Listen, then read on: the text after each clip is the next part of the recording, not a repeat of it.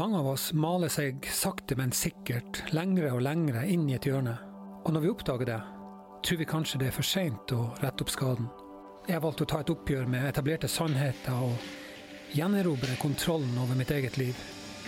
Dette er jakten på kunsten å gi mer faen.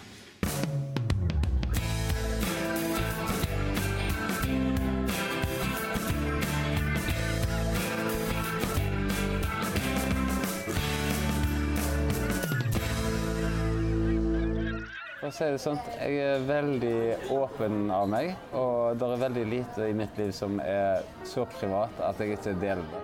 Det her er Kristian Nistad. En eh, lokal gründer som er i ferd med å etablere sitt mikroimperie. Et slags eh, personlig eh, univers med kaffe i sentrum. Med sine chilenske aner har han dyp forankring i Haugesund. Og herifra deler han av sine synspunkter, livserfaring og filosofi. Det er fascinerende å følge han Kristian når han brenner, lukter, smaker, kalkulerer og studerer så å si hver eneste kaffebønne. Alt dette her gjør han ifra leiligheta si. Kaffe. Produsert med hjerte og servert med et smil. Jeg har en uh, veldig klar og tydelig policy i forretningen min om åpenhet og ærlighet. For å ta for min egen del, jeg har ligget syk og hatt så mange utfordringer at hvis jeg hadde vært for opptatt av å være negativ og holde ting tilbake, så hadde folk gått rundt og bekymra seg for min helse og går det bra med han og sånne ting. Og så er det litt fordi det er så mange andre som er i samme situasjon, som ikke klarer å dra den proverbielle tommelen ut av. Og så ligger de der og syns de synd på seg sjøl, og så blir det sånn Nei. Det å være ambisiøs kan eh, noen ganger oppleves eh, ambivalent. Det kan føles som om det koster mer enn det smaker. Det var noen som sa en gang at i jakta på det vi tror vi trenger, mister vi noen ganger det vi allerede har. Noen mener at jeg mangler ambisjoner. Fordi jeg gjerne kan være mer Jeg er fornøyd med situasjonen som den er. I dag så tror jeg at vi som mennesker oppfatter ambisjoner, mål og status som noe som eh, vil gi innhold og mening i livet. Altså, Ambisjoner og mål og dette med status blir ofte satt mye høyere enn folk sin egen fornøyde vær tilfreds med den du er. Jeg jobba som forsikringsrådgiver for Frif før. og jeg stortrivdes med å ha kundemøter, med å gå hjem til folk og ha en stabil tilværelse i det.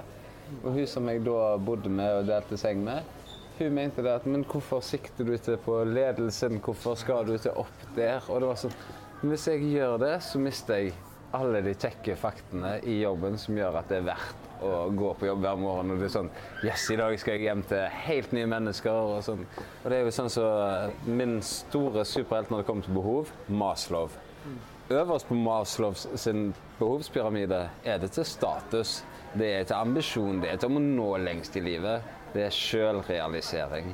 Det at du faktisk kan si til deg sjøl at det jeg gjør, er det jeg har lyst til. Dette er det jeg vil for min del. Ikke for alle andre, og ikke for de jeg skal være best, men det er for meg. Jeg liker å sammenligne oss mennesker med skip som seiler rundt et eller annet sted på de sju hav. Og vi har eh, gjerne ulike mål og destinasjoner. Og én ting vet vi alle sammen, at eh, på et skip så er det kapteinen som er sjef, og eh, mannskapet de må gjøre det som kapteinen bestemmer. Kapteinen er den bevisste delen av hjernen, vår indre samtale. Mannskapet er underbevisstheten. Og i underbevisstheten ligger vanene våre, de automatiserte og ubevisste handlingene. I en eh, travel hverdag er det ikke alltid vi kommer på å ta vare på oss sjøl. Men eh, når vi blir syke, så er vi tvungen til det. Mitt, min første reaksjon på å bli syk var å bli megaegoist. Jeg var så opptatt med mitt eget, min smerte, min lidelse. Samme sånn som det når folk sier ja, men du må bare si fra hvis jeg kan hjelpe. Så, så var jeg mer opptatt med ja, men da føler jeg meg så hjelpeløs, og jeg føler meg så liten, enn å faktisk la folk bidra og hjelpe. Og det samme om familien min.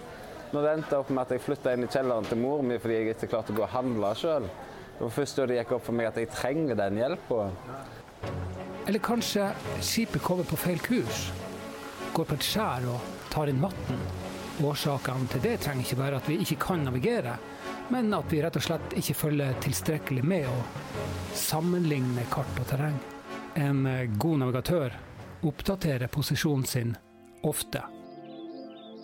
Det er et engelsk uttrykk som heter 'to be at ease'.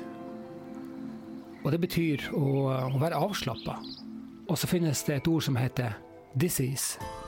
Og noen ganger så tror jeg faktisk at vi vet hva som er bra for oss, men eh, vi velger å gjøre noe annet. Eller kanskje vi tror at vi eh, ikke har annet valg. Sånn er det ikke bare. Du kan gjøre det beste ut av det du har, istedenfor bare å sitte der og syte. Du er sånn eh, som har forska på det fra før. Og det samme med kaffe. En trenger ikke å finne opp hjulet på nytt, for det er så mange som har funnet ut av det fra før. Det å eh, skille seg ut har som regel en pris. Derfor kan det virke tryggere å gjøre som alle andre gjør. Konformitetens belønning er altså å bli likt av alle. Og det er jo bra, forutsatt at vi sjøl liker den vi er. Ja, det, det, det, er veldig ut ifra folks subjektive standpunkt. Jeg har opplevd også det at det er folk som ser på dette som jeg holder på å starte opp kaffebrenneri, så er det sånn at jeg kan gjøre dette når jeg har en sønn som har fått kreft og sånne ting. At jeg kan være så egoistisk og mer fokusert på kaffe enn på sønnen min og på situasjonen der. Og så blir det sånn at jo, jeg kunne ha sittet hjemme og lest opp og ned på Google, døgn ut, døgn inn, bare satt meg inn i leukemi og kreft og sykdom og elendighet. Eller jeg kan tenke at jeg kan vise han at sjøl om så går det an å gjøre sitt beste med å få til noe, skape noe, gjøre noe annet enn å bare tenke at å nei, vi får bare gi opp. Men det er jo folk som da tror at jeg har gjort et valg om at jeg syns kaffe er viktigere enn min sønn. Og derfor så står jeg heller her og prøver å pumpe kaffe enn å være med han. Mens for min del så er det Jeg kan ikke være med når jeg ikke klarer å løfte den hvis han faller. Da er det bedre at jeg bidrar på min måte, enn at jeg skal stå der og være en belastning for han. Vi snakket om det så vidt tidligere. Det finnes mange som er mer opptatt av hva andre folk syns, enn hva de sjøl tenker og føler. Og det Når jeg snakker om jakten på kunsten å gi mer faen, så promoterer jo ikke jeg kynisme. Jeg ønsker jo simpelthen å følge mitt eget indre kompass for å oppleve en mer meningsfull hverdag. Mange søramerikanere har kommet til Norge og sier at Norge er et kaldt samfunn. Fordi vi bryr oss så lite om de andre rundt oss. Jo, altså, det, det, er jo naturlig. Én ting er den naturlige. Vi frykter litt det vi ikke vet. Altså, vi er alltid redd for hva folk sier bak ryggen på oss. Men det hjelper jo ikke at vi går rundt og er mer opptatt av det, enn å f.eks. framsnakke andre og være positiv til andre og skryte av andre. Og det å vise at det finnes større og bedre ting enn å frykte. Det er gjerne sånn at vi ikke ønsker å blottlegge det vi oppfatter som svakheter. Kanskje fordi vi er redd for å bli stående alene utenfor eh, flokken. Derfor kan det også gjerne oppfattes at samfunnet er kaldt, og at empati er en eh, mangelvare. Ikke tro på alt Men søramerikanere generelt har det med engasjement. Det med varmt samfunn. Det går ikke nødvendigvis på at alle elsker hverandre, men alle bryr seg med hverandre. Og alle skjønner at hvis det går bra for han naboen min, så går det bra for meg igjen der òg, og så har du sånn som det der, det typisk norske, da, så kan vi se på det, så kan vi le av det, så ha-ha, for noen teite naboer. Istedenfor at vi alle stiller oss opp i fellesskapet. Altså, kom igjen, da. Skjerp dere. Bare løs dette i minnelighet. Om vi snakker om denne fregatten nå, f.eks., så er det jo mange som er på Finn og legger ut fregatt, i sport og alt dette. Men så glemmer en ut at om bord i den fregatten så er det over 100 mennesker som har hatt en grusom opplevelse. Altså, mange sitter og spøker med situasjonen, men tenker ikke over det at for de der, der så var det snakk om minutter det. Sånn som de forsto det fra de var ferdige. Det finnes et hav av bøker om hvordan man kan eh, oppnå sine mål. Og eh, når jeg eh, følger Kristian, så kjenner jeg igjen en del av de tingene som jeg mener er viktig for meg. Jeg tror bl.a. det er viktig å ha et passion, eller en, en lidenskap for det du holder på med. Ikke bare må du like det, men du bør også elske det du holder på med. Dessuten så tror jeg også at du må ha en viss kompetanse, og utvikle den kompetansen etter hvert. Du trenger gjerne ikke være verdensmester eller ekspert når du begynner, men du bør ha som eh, mål å bli så god som overhodet mulig. Og så må du jobbe hardt. Du må være villig til å legge ned den innsatsen som kreves for å få det resultatet som du ønsker. Og så tror jeg du må være tålmodig. Ingenting skjer over natta. Den samme prosessen jeg har lært, feila, lært, feila, lært. Og Da fant jeg ut at ok, men da kan det jo faktisk være gøy å gjøre dette. Så begynte jeg å bestille litt bedre kaffe, og så gjorde jeg det for meg sjøl, bare sånn for moro skyld. Men så fant jeg jo ut at vi har uhorvelig mange gode kaffebrennerier her i Norge. Så det var jo sånn OK, vi har Solberg Hansen, vi har Pals, vi har Kjelsberg, vi har alle disse kaffene. Da bare drikker jeg masse kaffe. Helt OK kaffeer, og du har oh, supre kaffeer. Det er en av mine favoritter. Og det er en vesentlig mer smaksfull kaffe i enn kenyanske. Ja, okay. For meg handler alt dette om personlig utvikling, kontinuerlig forbedring og det å forstå mer.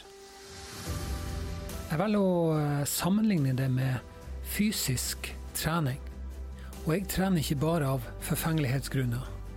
Jeg trener for å kunne løfte mer, bære mer og tåle mer. Jeg har satt det på navnet mikrobrenneri. Jeg kommer ikke til å ta vekk mikro, uansett om produksjonen blir stor. Og så har jeg dette med at jeg skal finne den perfekte kaffe. Jeg har ikke mål om å bli verdens største. Jeg skal ikke bli verdens mester, men jeg skal bidra på min måte. Jeg lar meg eh, imponere over de som våger å ta utradisjonelle valg. De som velger å seile etter kursen på sitt indre kompass. Og da er jeg fornøyd. Takk for kaffen, Kristian.